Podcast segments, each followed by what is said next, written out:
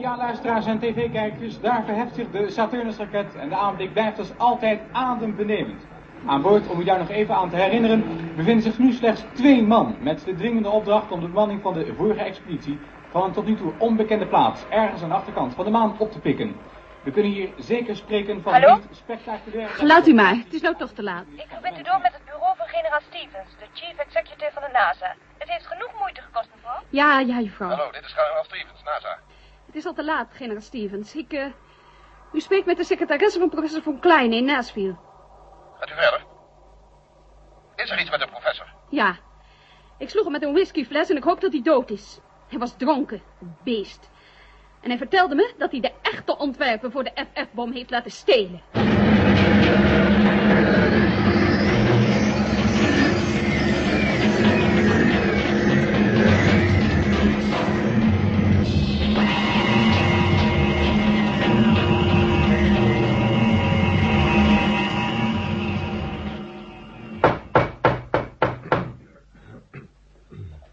Mijn heren.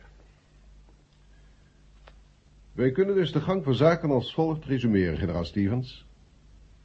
Luistert u, generaal Stevens? Eh, ja, ja, ja, meneer de voorzitter. Onze astronauten van vorige maanvluchten zijn allemaal aan de achterkant van de maan onder een vreemde invloed gebracht. Gehypnotiseerd, om het zo maar te zeggen. Daar zijn ze zonder ons medeweten geland en kregen ze orders om de formule van onze FF-bom in handen te krijgen. Generaal Stevens, u nam contact op met, met Melden die zoiets vermoedde en u zorgde ervoor dat Armstrong en Bradford de plannen, vervalst weliswaar, inderdaad te pakken kregen. Klopt? Klopt, ja. Net voor het vertrek van de Apollo 22 slaagde u en met Melden erin om Armstrong uit zijn betovering te halen. Heren, ik weet het, het klinkt als door een roosje of sneeuwwitje, maar het is bittere ernst. En om met Melden in Armstrongs plaats te laten vertrekken. Met de ontwerpen van de bom. Klopt, ja. Tot zover, mijn heren, in het kort wat er tot nu toe gebeurd is. Ieder die hier aanwezig is, weet natuurlijk van de versnelling van de maan, zodat niemand eraan kan twijfelen dat er op de maan inderdaad iets gaande is dat niet klopt. Tot zover zouden we de rare bokkensprongen van de generaal nog wel kunnen bijhouden. Er komt echter nog meer, geachte aanwezigen, nog veel meer. En ik hoop dat wij erin zullen slagen deze nieuwe tegenslag voor het publiek verborgen te houden, totdat de gewenste maatregelen zijn genomen. Generaal Stevens, en daar moet ik hem wel om bewonderen, had de moed om mij zojuist deze zaak persoonlijk te komen opbiechten. Mijn heren, de plannen aan boord van de Apollo 22 bevatten helaas de echte formule van de FF-bom. Ja, gedwongen door de snelle loop der gebeurtenissen is men kennelijk iets wat overhaast te werk gegaan. Wat de gevolgen daarvan zullen zijn, daar kunnen we alleen maar naar raden. In elk geval zullen we nu niet nogmaals in diezelfde fout vervallen, maar eerst deze zaak grondig onderzoeken. We hebben nog twee dagen de tijd voor de Apollo 22 de maan bereikt. Daarom hebben wij de moeite genomen om professor von Kleine naar hier te laten overbrengen. Wilt u professor von Kleine vragen binnen te komen? Kleine? En laat ons nu maar begaan, generaal. Zo, professor. Vertelt u eens. Ach, mijn heren, het is toch allemaal zo duidelijk als wat, nietwaar? Ik heb die geweldige superbom uitgevonden. En dan komt zo'n brave borst me vertellen dat de Russen de bom zullen komen stelen. En omdat je alsjeblieft keurig de vervalste plannen in handen wilt spelen. Een kans waarop ik al twintig jaar heb gewacht om het te wreken op jullie, Amerikanen. Fraaie soort mentaliteit houdt u erop na, professor. Ja, ja. Jullie zweren natuurlijk bij lammelingen als Von Braun en Cornuiten, die om de haverklap naar een andere kant overstappen zonder blikken of blozen. Maar ik ben het allemaal nog niet vergeten, mijn heren. Maar, maar, maar als de professor nu eens zo bluffen... Uiteindelijk heeft niemand ooit die FF-bom van hem, van hem in werking gezien. Het lijkt me veiliger te veronderstellen dat hij niet bluft. En heren, Persoonlijk moet ik professor von Kleines nuchtere kijk op de zaken bewonderen. Ik kan bezwaarlijk aannemen dat er iets anders achter zou zitten dan de Russen. Hun raketten vlogen immers reeds langs de achterkant van de maan, toen er bij ons nog nauwelijks sprake was van ruimtevaart. Hoewel u zult moeten toegeven, meneer de voorzitter, dat het een tamelijk omslachtige manier is om die plannen in handen te krijgen. Inderdaad, generaal, maar laat ons nu bij de feiten blijven. Professor, wat is de uitwerking van uw bom? Theoretisch is hij in staat om een heel continent van de aardbodem weg te vegen. En neem ik gevoeglijk aan tevens om het leven op de rest van de aarde onmogelijk te maken door radioactieve neerslag? Mogelijk.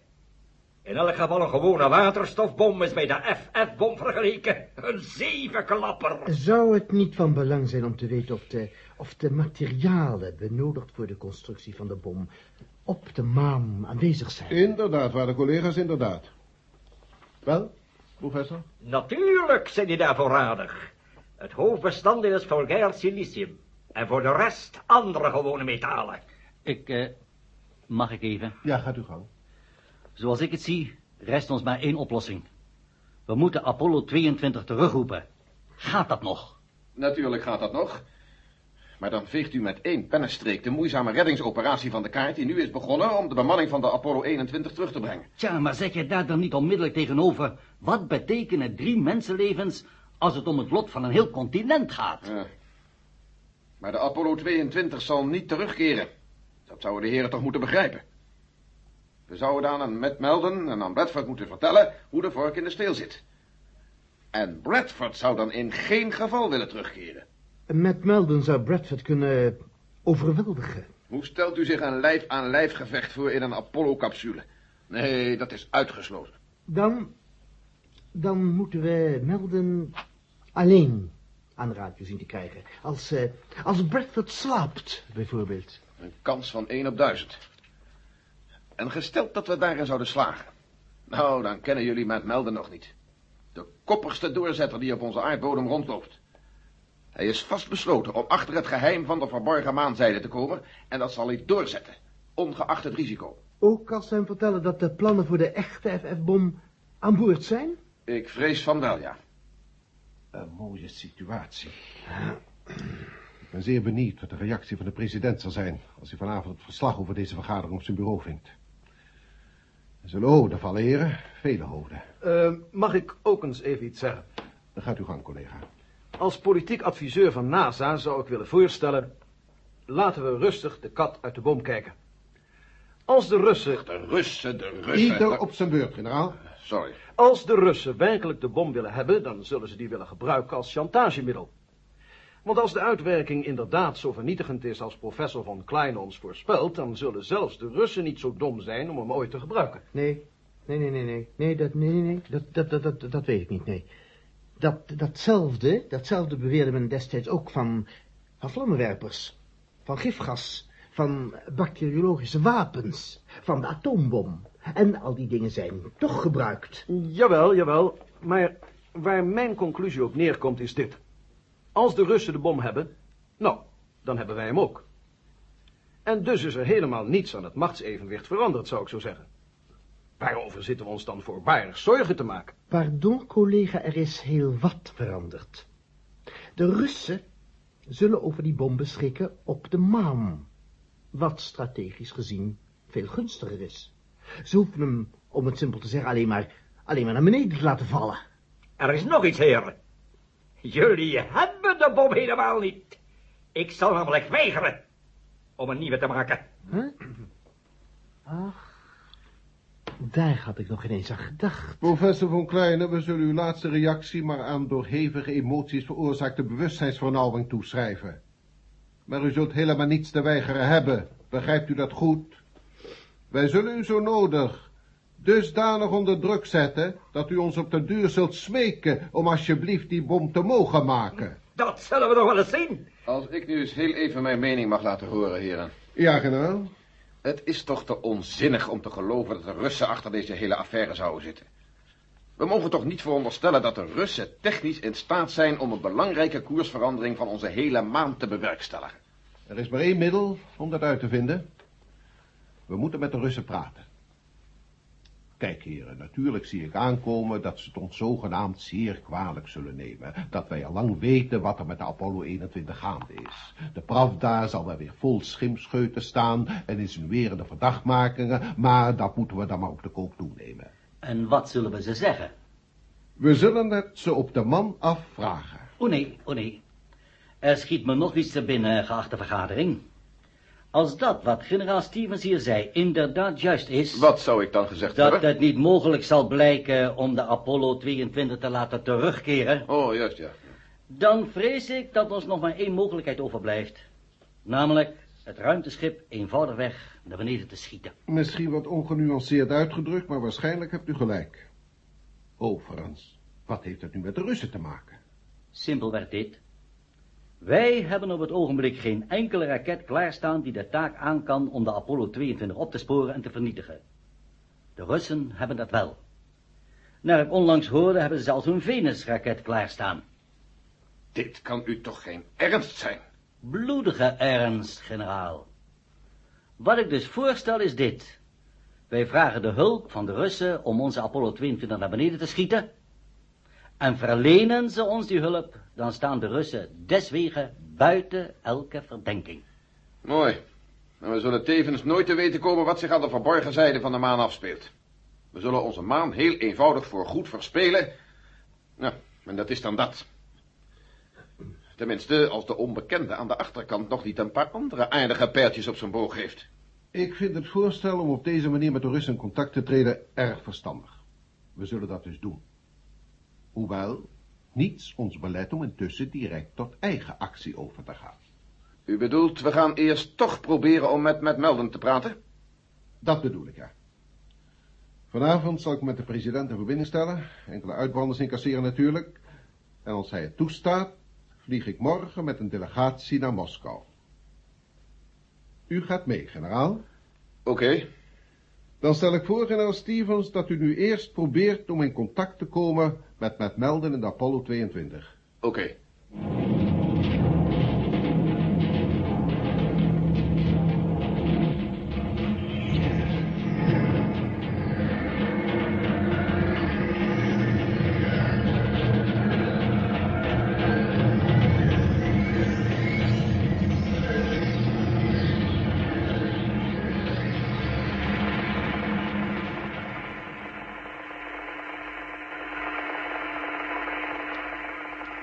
Hallo, Sam.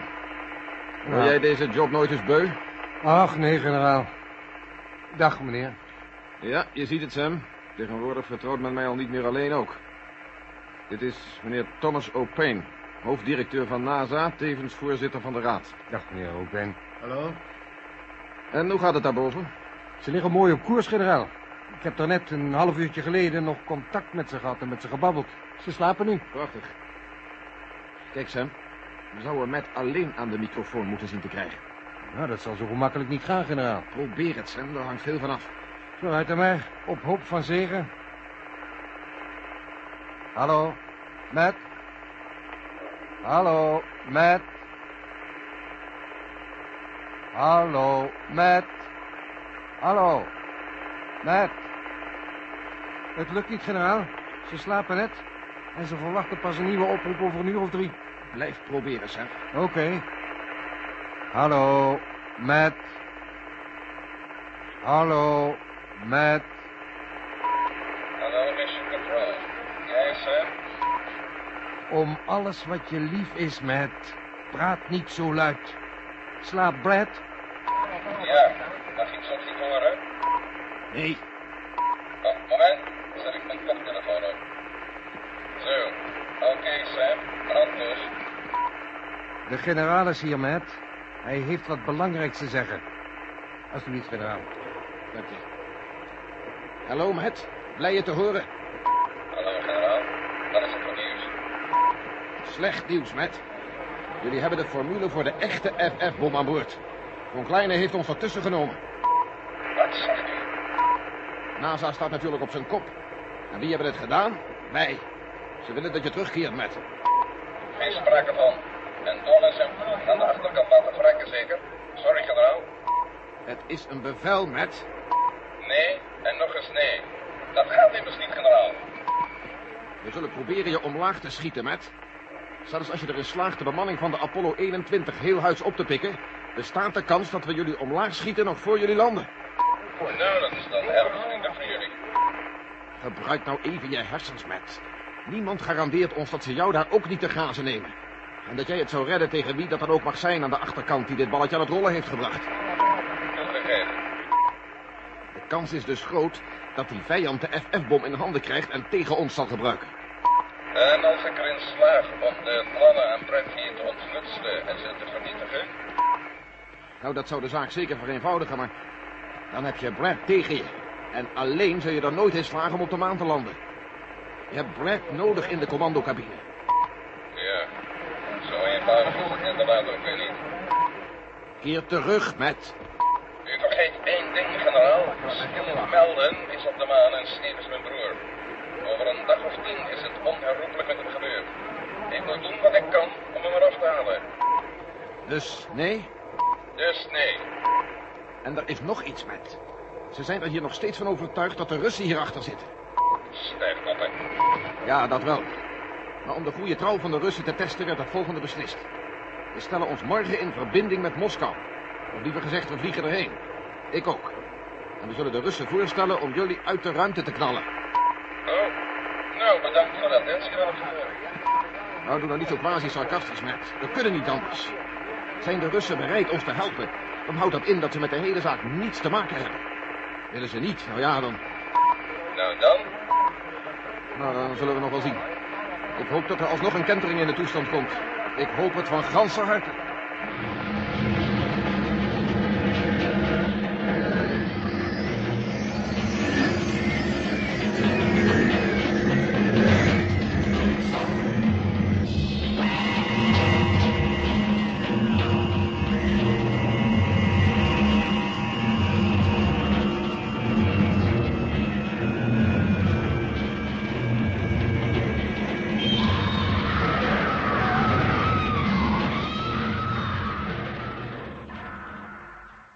Ik ben oprecht verheugd, maarschalk Gorotjov, dat u het allemaal zo opvat.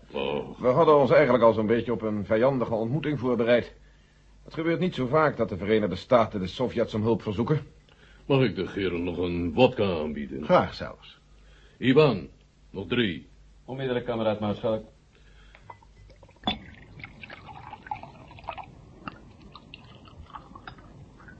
Op de behouden terugkeer van jullie dappere astronauten. En ik spreek de hoop uit dat het niet nodig zou blijken te zijn dat we ze voor jullie naar beneden schieten, heren. Ik ook. Alleen, Vier. Cheers. Alleen, eh, waarom hebben jullie deze zaak niet al eerder openbaar gemaakt of eh, aan de UNO voorgelegd? Het gaat hier tenslotte om het belang van de gehele mensheid. Ja, ziet u... Mag ik weten waarom? Oh, het was maar een kwinkslag, een, een, een grap. Want ik weet wat u niet weet. Een kwinkslag, maarschalk. Ja, Hoezo? wel. Sinds jullie perikelen met de Apollo 21 hebben wij in de opperste Sovjet langdurig en uitgebreid van gedachten gewisseld. Er werd besloten om jullie te helpen omdat dat eh, de betrekkingen tussen Oost en West een flinke zet in de goede richting zou kunnen geven. Maar eh, laat ik niet van de zaak afwijken. Weet u nog, toen ons ruimteschip, de Luna 3, voor de eerste keer om de maan vloog en de achterkant voor de cavele? En of ik dat nog weet? Dat was in... eh, 1959. Juist, ja. En? Deze foto's hier, herkent u ze?